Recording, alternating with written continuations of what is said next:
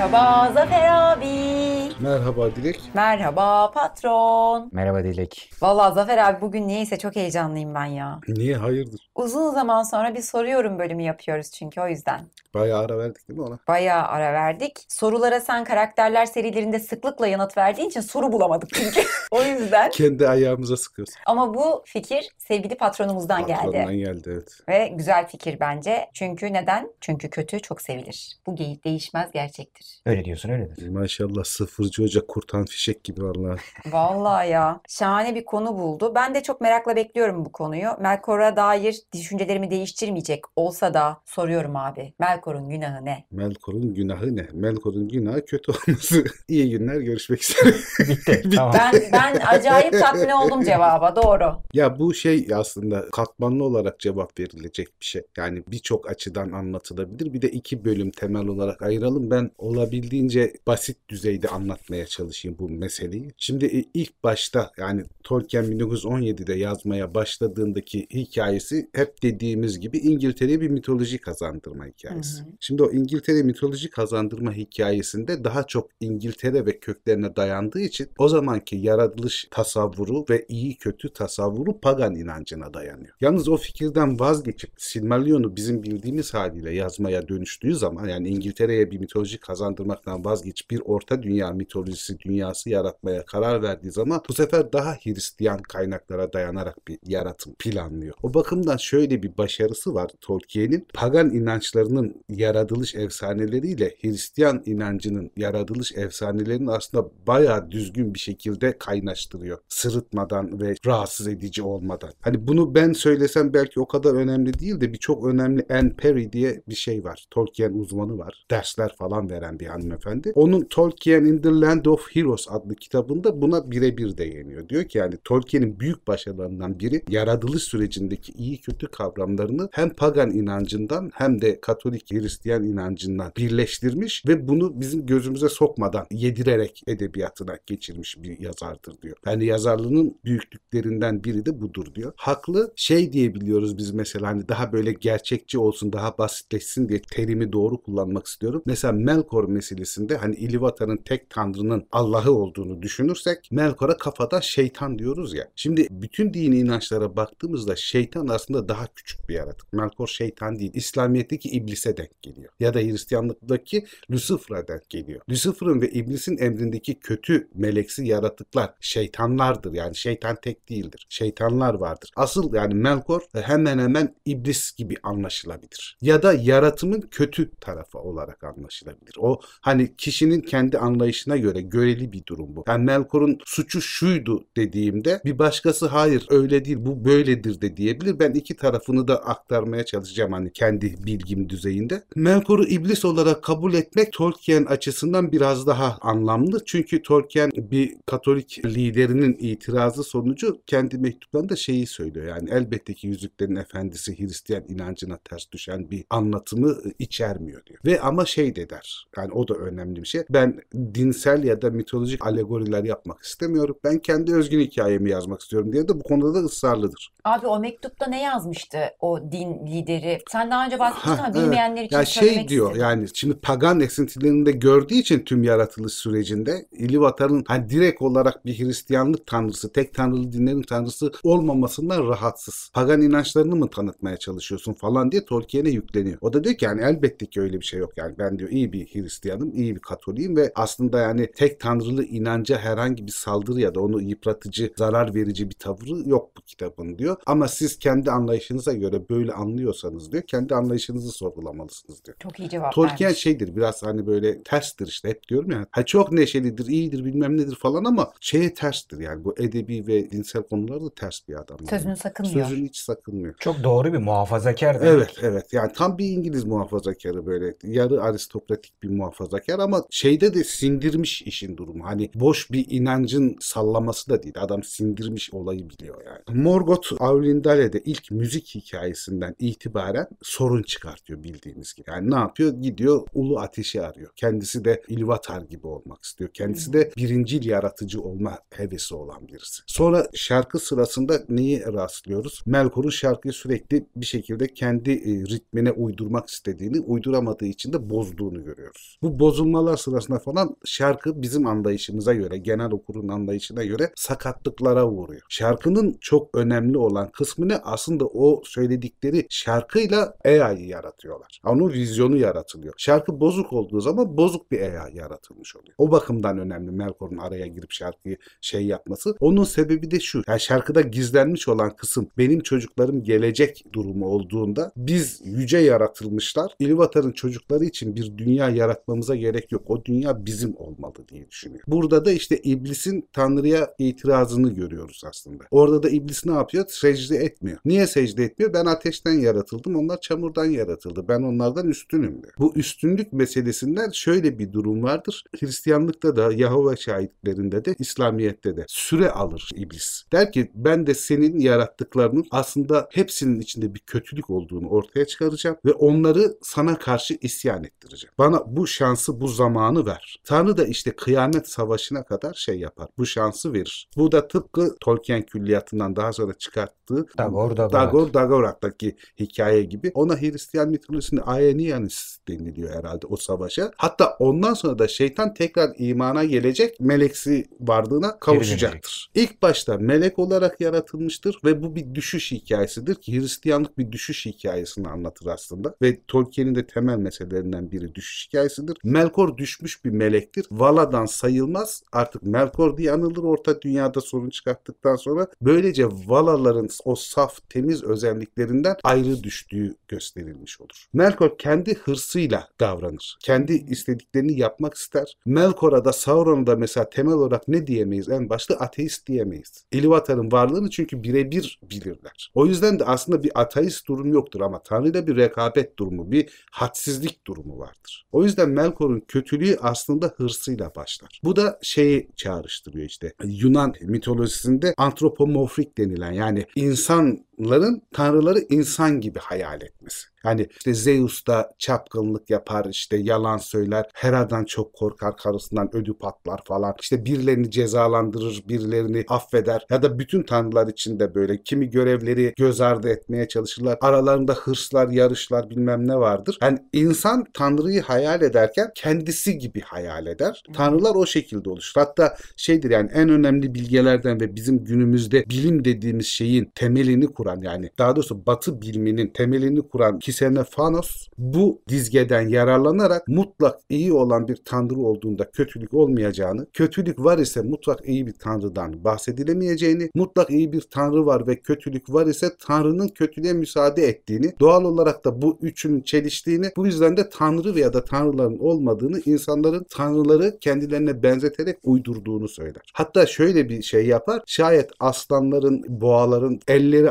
ayakları olsa ve insan gibi sanata becerili, yetenekli olsalar, bir şeyler çizebilseler, işte ineklerin tanrısı ineksi bir form alırdı, aslanların tanrısı aslansı bir form alırdı. Biz insanlarda bu yetenek olduğu için bizim de tanrılarımız insansı form alırlar. Ama tek tanrı dinlere geldiğinde şöyle bir durum var. Yunanlılardan, pagan inançlarından farklı olarak tanrı bir mükemmelliktir onlarda. Tanrı kusursuzdur. Tanrı hata yapamaz. Tanrı'nın yaptığı hiçbir şey boşa yapılmış bir şey değildir. Eylemin tamamı iyi ya da kötü ile birlikte bir nedene bağlıdır. Ama Tanrı'nın kendisi nedensizce var olandır. Ama Melkor gibi ya da İblis gibi ya da işte bu bizim hikayedeki Gandalf gibi, Manve gibi, Ulmo gibi bütün yaratılmışların yaptıkları bir nedene bağlıdır. Oysa Tanrı yaratım sürecinde nedensizdir. O olduğu için vardır. Ve bu kötülük meselesi de aslında işin oluşmasında yardımcı olacak dönüşümün barutu gibi görülür. Tanrı şey diye bakmaz. Biz insanlar gibi bir şey iyi bir şey kötü diye bakamaz. Tanrı'nın iyi ya da kötü kavramlarına münezzehtir. O ayrıdır. Biz insan olarak düşündüğümüz için sınıflarken bunlar kötü işler yapmışlardır, bunlar iyi işler yapmışlardır falan gibi bir ayrımımız var. Oysa Tanrı için Melkor'un yaptıkları iyi ya da kötü değildir. Mamye'nin yaptıkları da iyi ya da kötü değildir. Zaten şeyde ne der en son bozduğunda? Melkor sen bilmiyor musun ki ne yaparsan yap senin bütün bozma çabaların, müziği engelleme çabaların, müzikteki işte bu akorsuzluğu sağlamaların hepsi aslında benim büyük planımı gerçekleştirmek için gerekli olan şeylerdir. Sen farkına varmasan da bunun tam tersini istesen de sen kötü tarafta olmak istesen de aslında benim planımı uygulamak için gereklilikleri oluşturuyorsun. Onlar olduğu için benim büyük planım tamamlanacaktır. O bakımdan Melkor bizim açımızdan bir günahkardır ama aslında Tanrı açısından iyi ya da kötü bir canlı değildir. Onun planını uygulaması için bir nesnedir, bir Araç. araçtır. Morgoth'un suçu ne? Morgoth'un suçu kendi hırsı. Çünkü kusurlu yaratıklardır yaratılanlar. Tanrı kusursuzdur ama yarattığı her şeyin kusuru vardır. Gene Yunan'a gidersek bu demiurgoslar vardır. Dünyayı şekillendiren küçük tanrıcıklar. O yüzden dünya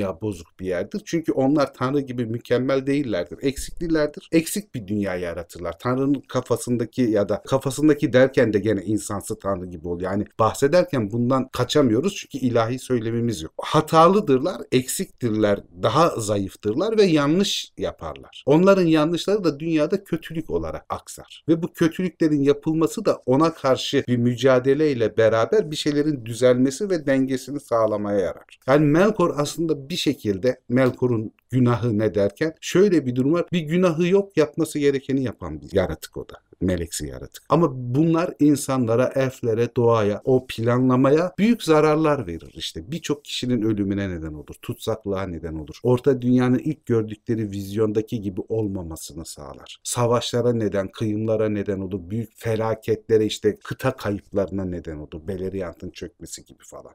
Ya da Sauron'un Numenor'u batırılmasına neden olan inançsızlığı körüklemesiyle falan. Yok oluşlara neden olur. Ama bütün bu yok oluşlar tırnak içinde evrimsel olarak dünyanın olması gerektiği hale gelmesi için gerekliliklerdir. Ama yapılan her şeyi yok etmek istemesi peki? İşte Melkor'daki mesele biraz şu. Melkor tam bir e, nihilist. Yani Melkor'da şöyle bir şey var. Melkor bütün Valar'ı yenseydi, bütün Orta Dünya'nın gerçekten kralı olmuş olsaydı ve tamamını ele geçirmiş olsaydı, Melkor'un yapacağı şey bu sefer kendi yarattıklarını yok etmek olacaktı. Melkor bu kısır döngüden kurtulamaz. Çünkü o mutlak olarak karşıdır ve inançsızdır şeye. Yaptıklarına bile inancı yoktur. O bozucudur. Bir şey yapıcı değildir. O bakımdan yani Melkor'la Sauron'un kötülük anlayışları farklı. Çünkü Sauron kendi hizmetine girdiği sürece ne dünyada olanlardan ne de dünyanın kendisinden rahatsız değildir. Çok daha pragmatisttir. Emperyal bir kuvvettir Sauron. Yani emperyaldir o. Yönetmeyi ister, kendisine ait olmasını ister falan. Bir de şey var tabii. Melkor Ilúvatar'ın inanılmaz bir güce sahip olduğunu elbette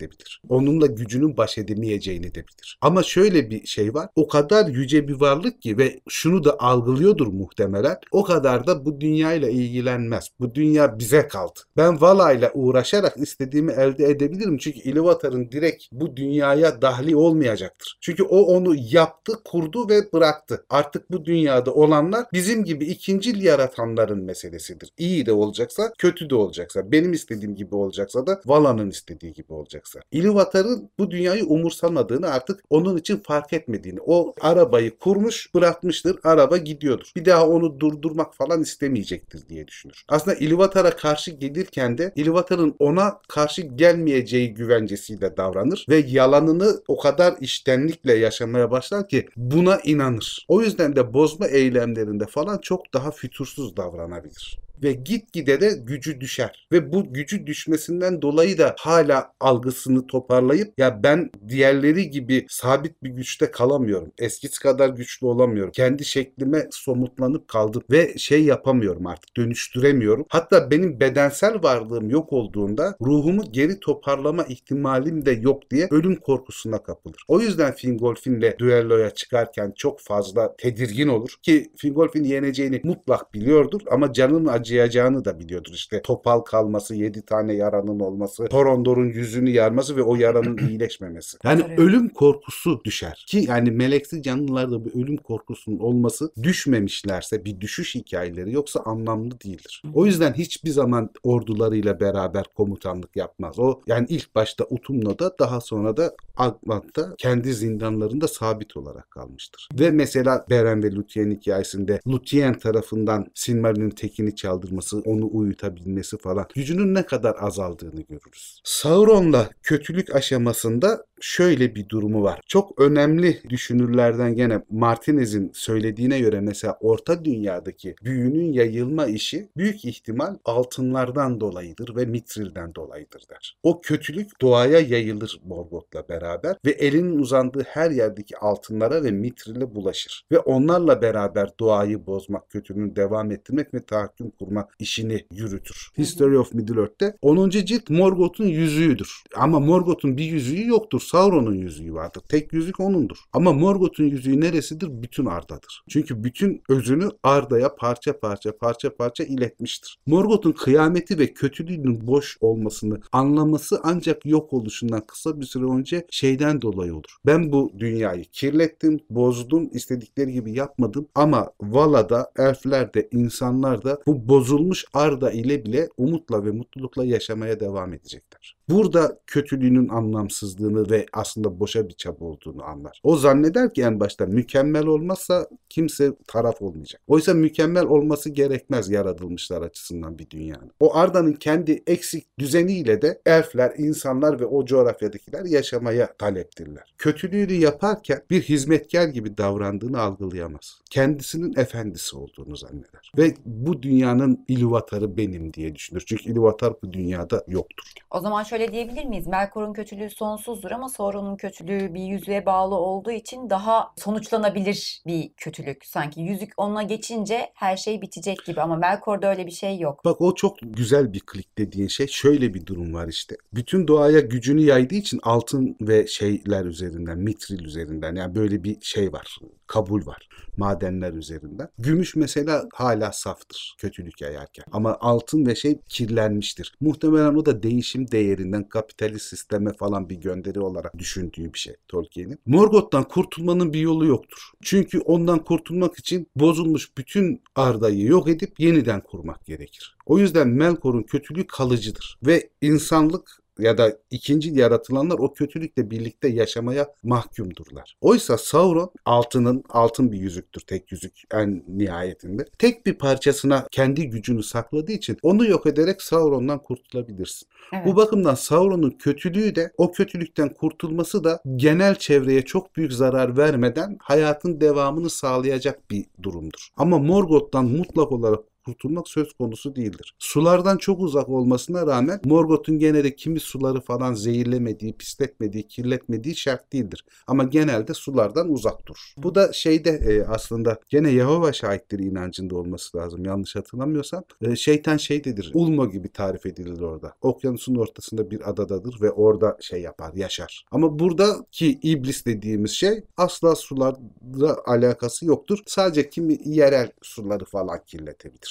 Kötülüklerinden çok küçük bir kısmı sular üstünde geçerlidir. Yapılan her şeyi yok etmek istiyor. Kendisi dahil demişti Evet, Zafer abi evet. vaktiyle. Çünkü sonu yok. Bu işte şey gibi, Kundela'nın yılanı gibi ya da Ungoliant'taki gibi. Her şeyi yok ediyor, ediyor, ediyor. Sonsuz bir açlık, sonsuz bir doymama hissi, sonsuz bir ele geçirememe hissi. Yani her şeyi hallettiğinde kendi kendini yemeye mahkum, kendi kendini yok etmeye mahkum bir yaratık. O bakımdan umutsuz bir yaratık aslında. Hiçbir umudu olmayan, sonuçta hiçbir zaman hiçbir zaman başarılı olamayacak bir yaratık. Başarsa bile başarısız olacak bir yaratık Melkor.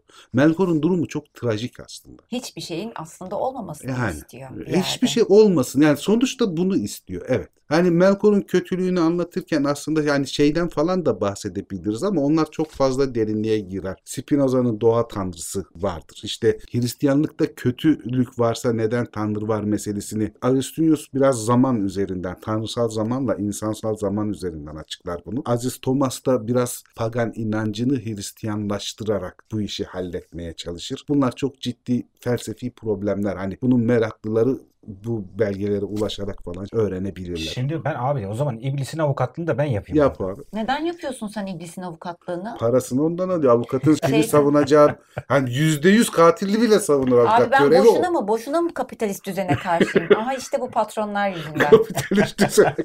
Ya iyice kolpaya bağladım.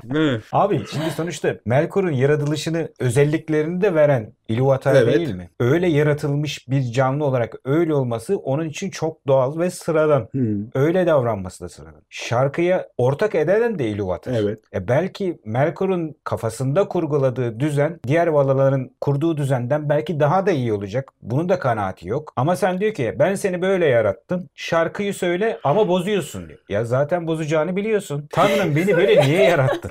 İki tane istemediğim konuya sokacağım beni. Bir tanrısal zaman, Evet iki abi. özgür irade problemi O tamam mı? istiyor abi. Hayır çünkü yani başlığımız o. Ben bunu düşünürken onu söylüyorum. Yani bir tar- hep vuruyoruz beline de. Ya adam öyle yaratılmış. Bozucu bir karakter, hırslı bir karakter, yok etme ama o da kendisi gelişerek olmamış ki. O mizaçta yaratılmış. E bozması gerekiyor. Onun anladığı doğru da o. Yani şimdi karşı tarafa empati yapacaksak onun tarafından baktığın zaman da onun söyledikleri de doğru olabilir. Sorun bizim için yani oradaki işte elfler için, insanlar için sorun çıkıyor. Valaya da bir şey olmuyor çünkü. Şey- Valada yaptıklarının yıkılmasına çok bozuluyor. Ha, ama nihayetinde sonuçta Birebir da zarar bir- verilmiyor. tabii. Aynen. Ortada sadece sorun kısmından bakan elfler, insanlar Evet. ya da diğer taraflar hı. diyelim. Bozdukları diyelim. Ağaçlar taraflar. falan filan doğal. Ama böyle yaratılmış. Onun günahı ne? İşte orada şeye çok basit anlatmaya çalışayım ben onu. Madem biliyorsun niye azarlıyorsun diyor Melkor'u. Şimdi Özgür irade meselesi var işte. Evet Gene. Spinoza'ya gitmek gerekiyor ya da Ya kısaca Thomas'a. yani, Kısaca şey yani çok basitçe. Stephanov'da dediğimiz gibi yani o zaman Tanrı yoktur mı geleceğiz hikayesi var. Yani mutlak iyi bir Tanrı olduğu zaman kötülük olamaz hikayesi. Tanrısal nedenleri bizler bilemeyiz. Tanrı aşkın bir durumdur. Biz içseliz. Aşkın değiliz. O bakımdan şeyi anlayamayız. Tanrısal yaratılışı ve nedenleri anlamayız. Çok kısa bir hikaye anlatayım ben size. Bu da şeye döndü. İsa gibi. Ben size mesellerle hitap edeceğim diye. Adamın birinin atı çalınır tamam mı? Daha doğrusu atı kaybolur çalınır diye. Komşusu gelir der ki atın çalınması büyük uğursuzluktur der. Ne yapacağım komşum der. O da der ki ben bunu bilemem der. Ne olacaksa o olacak. Aradan bir hafta falan geçer at bir vahşi at sürüsünün lideri konumuna gelmiştir ve 20 tane vahşi atla beraber döner. Komşusu gelir der ki ne kadar şanslısın der ya. Bak atın gitti geri döndü 20 tane başka atın oldu. O da der ki ya bunun iyi ya da kötü olduğunu ben bilemem. Bunu Tanrı bilir. O 20 tane at geldikten sonra çocuğu vardır. Erkek evladı vardır bunun. Atlardan birini çok sever. Vahşi atlardan birini. Onu binek yapar. Atın üstünden düşer ayağı kırılır. Hı. Komşusu gelir der ki bak ya uğursuzluk getirir demiştim ben sana. Çocuğun ayağı kırıldı. O da der ki bunun iyi ya da kötü olduğunu ben bilemem. Sonra kasabayı şeyler basar. Eşkıyalar basar ve eli silah tutan genç adamlar falan zorla ailelerinden kopararak kendi amaçları için kullanmak için götürürler. Tam bunun çocuğunu da götürürlerken bakarlar ki ayağı kırık topal. Derler ki diğer eve geçelim. Burada şey yok. Bizim işimize yarayan çocuk yok. Komşusunun çocuğunu alır götürürler falan. Komşusu gelir der ki ne kadar şanslısın. Bak ayağı kırıldı o yüzden çocuğun kurtulandı. Adam der ki ben bunu bilemem ki iyi mi oldu kötü mü oldu diye. Şimdi biz tanrısal nedenleri bilemeyiz. İyi mi oldu kötü mü oldu diye. Kadının, kadının diyorum bak komşusunun kadın olduğuna yemin edebilirim. Ama ispatlayamam. Bir de şey var işte. Mesela Dilek bana silah doğrulttu öldürecek beni tamam mı? Cinnet geçirmiş. Allah falan. muhafaza. Ha, yani, yani olmaz tabii ki böyle bir şey de. Yani şey o sırada bir karar verme süreci var değil mi? Evet. Ben bu silahı ateşlersem bu kurşun çıkacak işte diyeyim kafasına saplanacak ve ölecek. Ama ben bu silahı ateşlemezsem ölmeyecek. Burada bir karar verecek. Özgür iradesiyle bir karar verecek. Özgür irade kavramı işte Tanrı'nın sana kuluna bahşettiği en değerli şeylerden biridir dinsel açıdan. İyiyi ve kötüyü söyler, yapabilmeyi mümkün kılar ama ondan sonra senin ne yapacağına karışmaz. Orada tetiği çekecek olan sensindir. Tanrı niye onu engellemiyor? Tanrı zaten bir engel koyuyor sevgi diye. Bir başkasına zarar verme diye. Muhakeme veriyor. Bunu yapma diye bir seçeneğin var senin. O seçeneği seçmediğin için Tanrı'yı suçlayamazsın. Özgür irade meselesi biraz işte hem Tanrı'nın kutsaliyetini arttıran ve yüceliğini gösteren bir şey bir açıdan. Bir açıdan da bakarsan bu beni tatmin etmiyor. Tanrı o zaman engellesin. Kimse kimse kötü olmasın da denilebilir mi? Ateist argüman olarak denilebilir. Ama hani özgür iraden varsa ancak zaten inançlılık ya inançsızlık olabilir. Çünkü özgür iraden yoksa tıpkı Aule'nin cüceleri ilk yarattığında ruhları olmadığı gibi Tanrı seni piyonlar gibi oynatır. Tanrı'nın ilgisi olmadığı zaman yığılır kalırsın. Bir şey yapamazsın. Özgür irade o yüzden yaşam için mutlak gerekli bir durum. Ama özgür iradeyi nasıl kullanacağın da senin sorumluluğunda. Yani şöyle diyebilir miyiz abi? Sonuçta Melkor'un günahı ona verilmiş olan seçim şanslarını kötü, kötü kullanması. kullanması. Yani ondaki özgür iradeyi yanlış kullanması. Yani kendine ait kullanması ya da her şeyin kendine ait olmasını düşünmesi, sanması, böyle istemesi. Hani aslında insansız zaaflar gösteren düşük tanrısal bir güç Melkor. Ama bu Ilúvatar tarafından aslında her şeyiyle bilinen de bir durum. Yani bir edebi eser olarak da ele aldığımızda şunu söyleyebiliriz. Yani burada hani içinde bir ana fikir varsa bu edebi metinden yaptığınız seçimlere dikkat edin Evet. Bir ön değerlemesi, bir Evet. fikir aşılaması olarak da yorumlanabilir bu konu. Tabii. Hikaye işte şeye ilgisini çeken insan için. Yani sadece bir fantezi edebiyatı olarak görmeden bu hikayenin üstüne düşünmüş adamlar için falan. Hani paganizmden tek tanrılı dinlere, özgür iradeden doğa tanrıya, pagan inancının Hristiyanlaştırılmasına, çabasına birçok yere ayrı ayrı dokunarak kötülüğün okunmasına kadar gider. Hani iblis hikayesinde olduğu gibi iblis direkt kötü olduğundan karşı gelmez ya da tanrıyı saymadığından karşı gelmez. Ben onlardan üstünüm diye. Ve sen yaratıcı olarak niye benden daha düşük birisini yaratıp ona secde etmemi istiyorsun diye karşı gelir. Ama tanrının varlığından haberdardır, gücünden de haberdardır. Kötülük yaparken bir başka seçeneği olduğunu bilir. Ama o onu seçmiştir. Yani sonuçta özgür iradeyle karar verme durumu var. Tanrı da şey yapmaz hani e, dünyaya birebir sürekli karışmaz zaten. Çünkü onun düzeni kurulmuştur. O düzen, o ilahi düzen devam edecek ve nereye gidecekse oraya gidecektir. Tabi Tanrı ne olduğunu bilir, şimdi bilir ve Ne ne, olacağını. da bilir. Tanrısal zaman böyle bir şeydir. Bizim anladığımız gibi değildir. Peki Melkor sonuç olarak bu hikayede İyi hedef- midir kötü? Hayır, hayır. Bunu sormuyorum artık kötü. Tamam. Melkor hedefine ulaşmış mıdır? Hayır, hedefine ulaşamaz. Sonuçta yani bütün hikaye ta Silmarillion'dan beri anlattığımız şekilde bu dünya insanların dünyasına dönüşecektir. Elflerin ya da Valan'ın dünyası da olmayacaktır. Hı Ve hı. sonuçta 3. çağdaki yüzük savaşlarının bitmesiyle, elflerin büyük bir çoğunluğunun batıya göçmesiyle, cücelerin falan yok olmasıyla zaman içinde 4. çağda hiç orta dünyada elf kalmamasıyla falan hakikaten artık insanların dünyasıdır. O yüzden Sauron'la uğraşırken Vala birebir etkili olmamıştır ya da İstarilerine gidin Sauron'u yakalayın dememiştir. Bu mesele insanların meselesidir. Kötülüğe karşı başarılı olmak ya isteyeceklerdir ya da istemeyeceklerdir.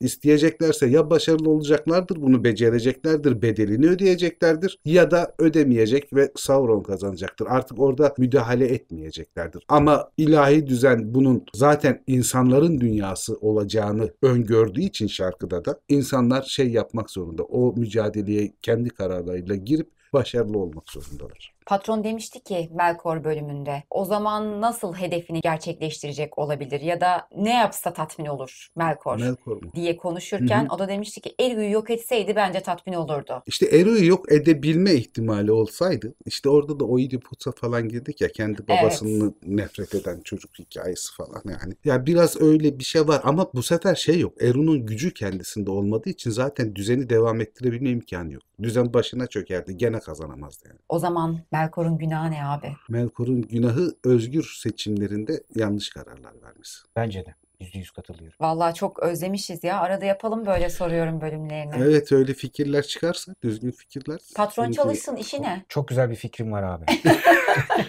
Hayır. Sırada bekliyormuş zihinde. Tamam abi o zaman verdiğin bilgiler için teşekkür ederiz. Yeni bölümlerde görüşürüz. Görüşmek üzere. İyi Görüşürüz abi. herkese.